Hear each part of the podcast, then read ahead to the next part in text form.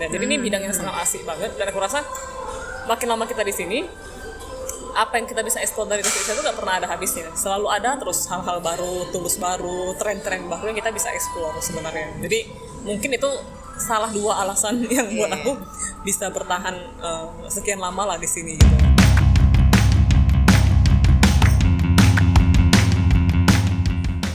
Halo semuanya, kembali lagi di Ngibungin Ngibah Nguli Ngedesain Bersama kita, Erlinda dan Kartini.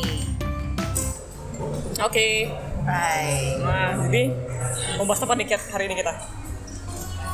Kok dari tadi pertanyaan kayak gitu sih? Mau bahas apa nih hari ini?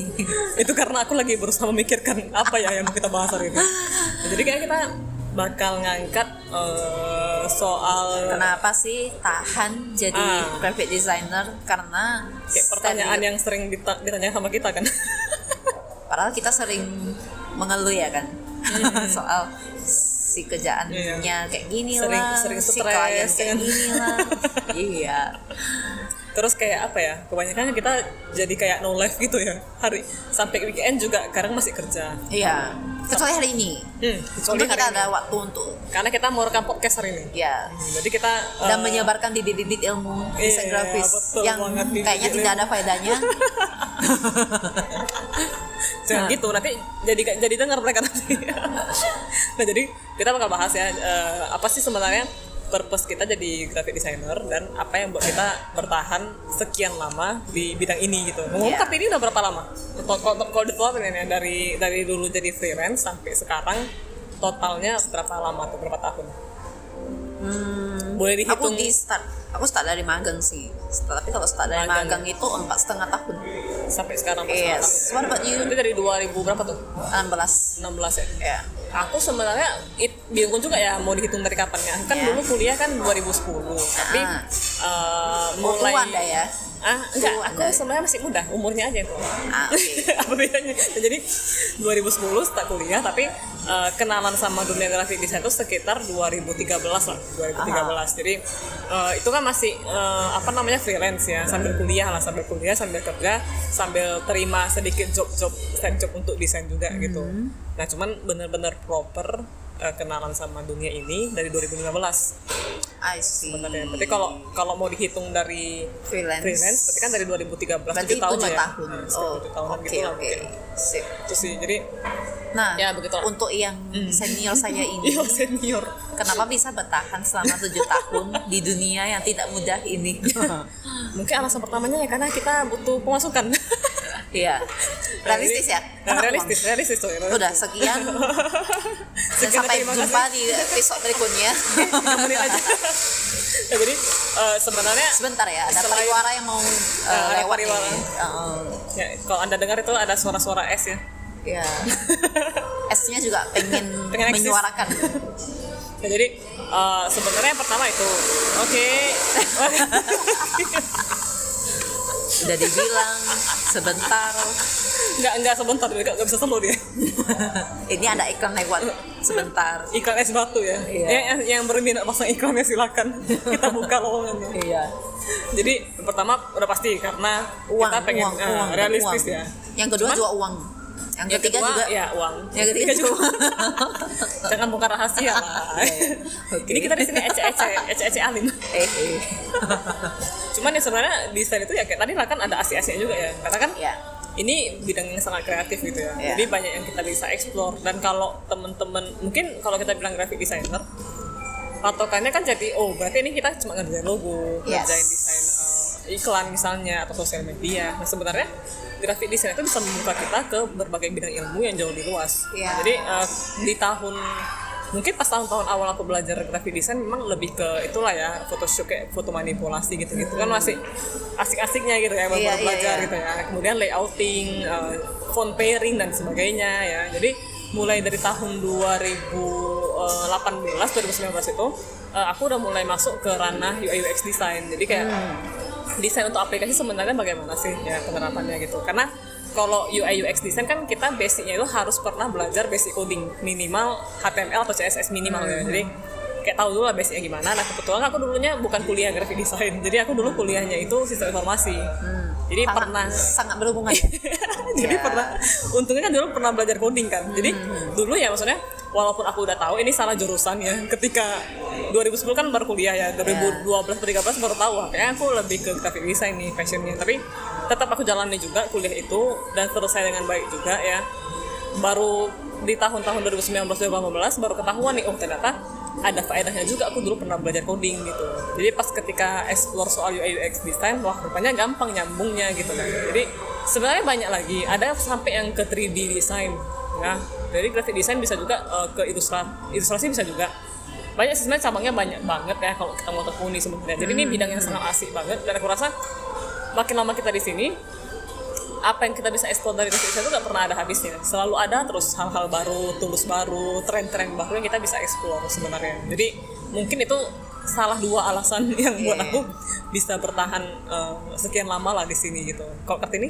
Dan selain tren I think em, karena ini juga kali ya bidang-bidang perusahaan klien yang berbeda-beda juga. Iya jadi iya benar banget. Apa itu kan agency ya. Ah, ya karena kan sebenarnya eh, ya udah lah ya selain F&B sebenarnya pun masih ada lagi tuh eh, Iya, di iya, kalau iya. dijabarin misalnya ada yang kafe ada yang restoran Hmm, ada yang ada yang online shop itu Ah, ada yang shop. eh, bersifat street food ya street food terus yang ada yang premium food ya ya, ya. ada, yang jual bahan baku ah, ah, banyak banget thank you Yeah. iya Iya. Jadi ini kita, kita baru datang snack akhirnya kita. nyampe.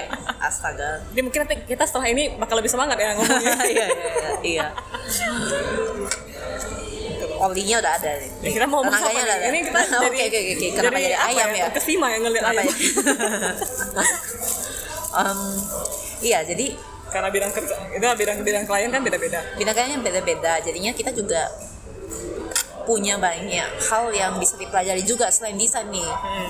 karena kan kita juga mempelajari oh eh, bidang bisnis ini kayak gini nih.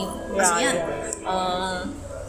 ja- karena bidang bisnis yang berbeda cara jualan yang berbeda juga jadinya itu kan terpengaruh ke eh, konten dan konsep kita yang harus dipropos gitu berbeda juga kan. Jadinya ya itu challenge yang menurut aku fun untuk dieksplor untuk dipelajari gitu sih Eh, ya dan I think karena aku juga join komunitas eh, ke- kepemudaan gitu organisasi kepemudaan yang ya sebenarnya kan kerjaan kita itu ya ibaratnya kita tuh kayak charity gitu kalau kita ngerjain desain. Jadinya ada kesan ada kepuasan tersendiri. Oh kita itu aku itu bisa loh eh, menyalurkan dan berkontribusi tapi dengan caraku gitu dengan eh, apa yang aku bisa. Entah itu simple bikin poster acara atau eh, share knowledge soal desain yang aku ada gitu ke anak-anak muda ke orang-orang yang membutuhkan itu sih kalau aku Jadi ibaratnya bisa kenalan sama berbagai bisnis beda, Iya. bisa sharing-sharing juga ya. Ah, Hmm, kalau teman-teman yang tertarik untuk sharing, sebenarnya sharing itu Iya. salah satu fuelnya kita juga ya. Aku juga Iya, iya. bertahan selama ini juga salah satunya karena itu karena bisa sharing sama orang ya. Iya. Karena lewat ini anu si grafis ini entah kita buat podcast atau artikel atau apa kan. Jadi ketika kita sharing dan kita ngerasain wah ternyata orang lain ada merasakan manfaat nih Iya. dari apa yang kita share gitu kan. Itu bakal eh, jadi salah satu bahan bakar kita juga sebenarnya. iya apalagi kita kan ya punya diri gibah gitu kan memang Iya, suka ngomong aja gitu sekali ya kan. Jadi kalau kalau off ini off the podcast biasanya kita lebih heboh lagi. Oh. Cuma karena kita lagi podcast ya kita agak kalem gitu ya. Iya. nah, jadi eh, apa ya ibaratnya selain kita ber apa ber- berbagi, selain kita sharing, kita juga meluapkan emosi sebenarnya kan curhat-curhat juga. right, right, right, right. Jadi itu sebenarnya banyak inilah sebenarnya ya. bidang graphic design ini sangat fun ya. Terutama yang kayak tadi Kartini Ya. bilang kan, ketika kita jumpa klien-klien yang berbeda, kita punya kesempatan untuk intip eh, proses di balik layar mereka itu. Iya, itu Karena yang- aku aku sering ke inspire loh sama klien. itu eh, sisi eksklusifnya Hmm. yang bisa kita dapat Iya. apalagi kalau eh, contohnya secara spesifik ya kafe yang baru mau merintis Aha. kita dapat test foodnya eh itu itu itu salah satu yang paling enak banget. Ya, sih. Iya. Aku pernah juga ketemu beberapa um, klien itu kan. Ah, Jadi pernah dengar ini sih, punya kesempatan dengar backstory-nya mereka. iya iya Kayak kenapa sih mereka uh, rintis bisnis ini? Ada bahkan bisnis Iya. yang udah bertahan selama 7-8 tahun gitu kan. Iya. Dan itu rahasianya apa Hmm, gitu kalau kalian share kalian dengar cerita di belakang story-nya tuh wah itu banyak cerita yang inspiratif yang menyentuh banget ya dan itu kayak bisa dijadikan eh, apa ya Inspirasi. inspirasi bagi kita juga demi masa depan kita juga Hmm, dan bisa belajar banyak hal dari mereka lah belajar soal bisnis dan nggak menutup kemungkinan ya Iya, oke pariwara kopi dulu Iya, kopi kopinya juga mau eksis.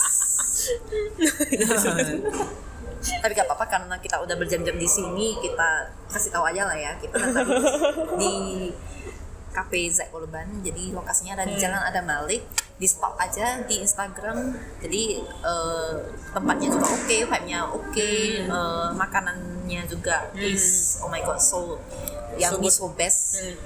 nanti kalau teman-teman pokoknya kalau teman-teman yang di Medan Iya. eh, ini aja cari aja lokasi Katigamat di apa ada balik Iya. itu pas di sebelah Katigamatnya dan benar-benar tempat yang ideal untuk bekerja maupun hang out. ya, dan rekam podcast iya, betul sekali. Alright. Eh, itu Hai. ngomongin apa tadi Oke, balik lagi ke laptop. Eh, jadi dan tidak menutup kemungkinan juga klien-klien yang eh, oke-oke ini bisa jadi tem- teman kita, ya right? Ada yang juga bisa eh, bukan cuma teman biasa gitu, tapi bisa jadi teman hang curhat. out eh. Tapi kayak itu elemen yang paling penting sih ketika kita punya klien ketika kita eh, apa ya eh, approach eh, pengen kerjasama lah ibaratnya karena kan kita di sini kalau bisa kita desain klien itu adalah bisnis partner bisnis kita gitu jadi Iya. akan sangat bagus kalau kita bisa menjalin chemistry tentu ini Iya. chemistry dulu sebelum kita bekerja maksudnya gitu eh, jangan jangan fokus ke oh si klien ini belum bayar invoice nih jangan Iya. Eh, instead kita juga harus eh, mikirin gimana sih kita bisa tingkatin ini. Meningkatkan relationship kita sama si klien tersebut gitu. Dan itu kok kan kata ada pepatah orang yang bilang kalau misalnya people will apa ya orang hanya akan eh, memakai jasa orang yang kita yang mereka sukai. Iya. Jadi kalau misalnya kalian bisa bangun chemistry yang bagus sama klien dulu justru sebelum bukan ke desainnya. Ya betul. Jadi sebelum ke sebelum kalian berjanji kerjaan kontrak kerjaan bangun dulu hubungan yang bagus. Jadi sebenarnya klien aku kalau pribadi aku sendiri ya klien aku juga banyak kan datang dari lingkungan pertemananku lingkungan teman sama rekomendasi dari beberapa orang yang ak- yang ini terlibat di organisasi yang sama iya iya iya. Nah kebetulan aku sama Kartini eh, kita sering ini ya sering kurang kerjaan ya alias sering eh, ini lah sering pajang-pajang tampang gitu ya di eh, komunitas jadi Ah. entah itu komunitas desain atau komunitas eh, aku aku ada komunitas keperempuanan ya jadi kayak komunitas Iya, iya. wanita komunitas eh, charity gitu namanya ya. apa Ada aku di Umandiri sama Berani Bermimpi. Oh, Jadi nanti baik. teman-teman boleh cari yang Umandiri sama berani bermimpi.id.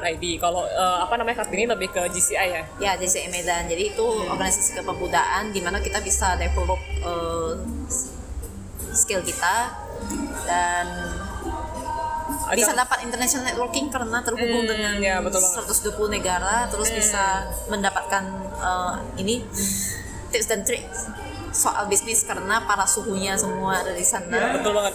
and last but not least juga yang pastinya ada community serving Ya. jadi di situ tuh ada charity Paket juga lengkap lah kayaknya. iya yes yes So, nanti boleh cari sih JCI Medan. Iya, feel JCI Medan.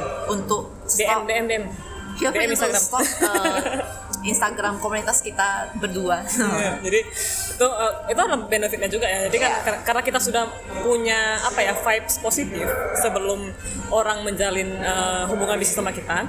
Jadi ketika kita udah udah memutuskan nih oh si orang ini mau jadi kliennya kita nih. Iya. Nah kita itu lebih gampang komunikasinya, udah nyambung lah kira-kira orangnya seperti apa. Nah kita juga bisa kasih saran-saran yang lebih objektif gitu kan, nggak terpengaruh sama imbalan di balik bisnis Iya. sebenarnya. Jadi itu penting banget sebenarnya sih. Dan menurutku ada satu hal lagi yang uh, benefit ke kita secara mental yang nggak bisa terbayarkan oleh uang. Yang Hmm. ya ini salah satu alasan kenapa bisa bikin kita bertahan juga di dunia desain grafis. Iya, Uh, yaitu kepuasan klien. Ah bener banget. entah itu dia puas sama kerjaan kita eh, entah itu karena karya kita bisnisnya berkembang Hmm. ya itu sih dua itu jadi eh, ya meskipun meskipun value project tidak tidak yang terlalu tinggi tinggi amat Mhm. tapi kalau kita dapat eh, feedback seperti itu kan kita ikut bahagia juga ya Mhm. right karena ibaratnya kalau kita kerjain desain kita dengan sepenuh hati iya Hmm, kan? Itu kan nanti kan feedbacknya bakal positif. Heeh. nah jadi ketika kalian ngelihat desain kalian eh, dipakai sama orang lain kemudian terutama di charity gitu ya ketika Hmm. desain kita bisa menarik banyak orang itu berbuat baik ibaratnya kan. Nah itu feedback secara eh, reward secara mental itu Iya, yang bisa iya. digantikan sama uang sebenarnya. Sama itu loh kayak networking. Iya. Dari desain kan dapat network banyak juga kemudian dapat pembelajaran juga dapat knowledge. Betul, Nah, betul, betul. networking sama knowledge itu yang aku rasa jauh gitu saya dulu dibandingkan uang sebenarnya. Iya. Uang oke lah dapat pemasukan ya oke kita nggak naif ya. Iya, itu iya, itu iya, penting iya. ya Iya, tapi realistis. di luar daripada itu kalau kalian kerjasama dengan klien yang bagus dengan klien yang berkualitas ya networking sama knowledge itu bakal bagus banget sebenarnya. Iya it will come along. Ya betul banget. Jadi ya punya kesempatan untuk bekerja sama dengan orang-orang yang hebat seperti itu mengintip sedikit proses di balik layarnya itu reward yang sesungguhnya bagi aku. Iya. Ada lagi yang mau ditambahkan? Hmm. PM sebenarnya banyak sih tapi ya itu eh, beberapa yang highlightnya ya. Aku ada? Hmm? kalau aku ada sih. Apa ada apa tuh? Semangat untuk semua pendengar kita. Iya. bibit-bibit gombalnya emang udah ada bibit-bibit ya kan? Iya. selamat eh, menikmati. Semoga teman-teman yang lain juga merasakan benefit yang sama juga. Atau kalau teman-teman sekarang masih ada ada yang galau nih misalnya ya. Hmm, kayak aduh aku masih mau bertahan ya di bidang ini ya. Atau aduh kayak aku udah jenuh banget nih di sini. Nah selalu ingat eh, the reason why you started gitu. Jadi kayak Iya. kenapa sih eh, dulunya mau ada di bidang ini? Karena teman-teman kerja di bidang apa pun sama ya tetap ada titik jenuhnya terutama kalau udah kayak kita gini udah 7-8 tahun gitu kan. Kayak wah udah gak kebayang lah entah. Aku dulu sampai udah saking dulu kan di agency. Yes yes. Jadi sebelum sebelum agensi yang sekarang ini aku pernah kerja di agensi-agensi yang lain. Dan deadline-nya itu luar biasa. Pernah tangani di untuk event lagi event you know lah kan. iya iya iya. Jadi so hectic ya Hmm, jadi-.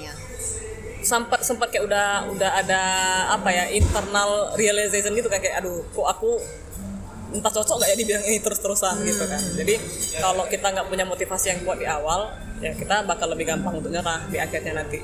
betul Terus sih, jadi ya pesan dari kita berdua, semoga teman-teman bisa find your why kenapa kalian started di bidang ini dan kalau ada teman-teman yang lagi jenuh, mudah-mudahan bisa tetap berinovasi, bisa tetap ada kreativitasnya. yes Oke, so see you guys on the next podcast. Bye. dadah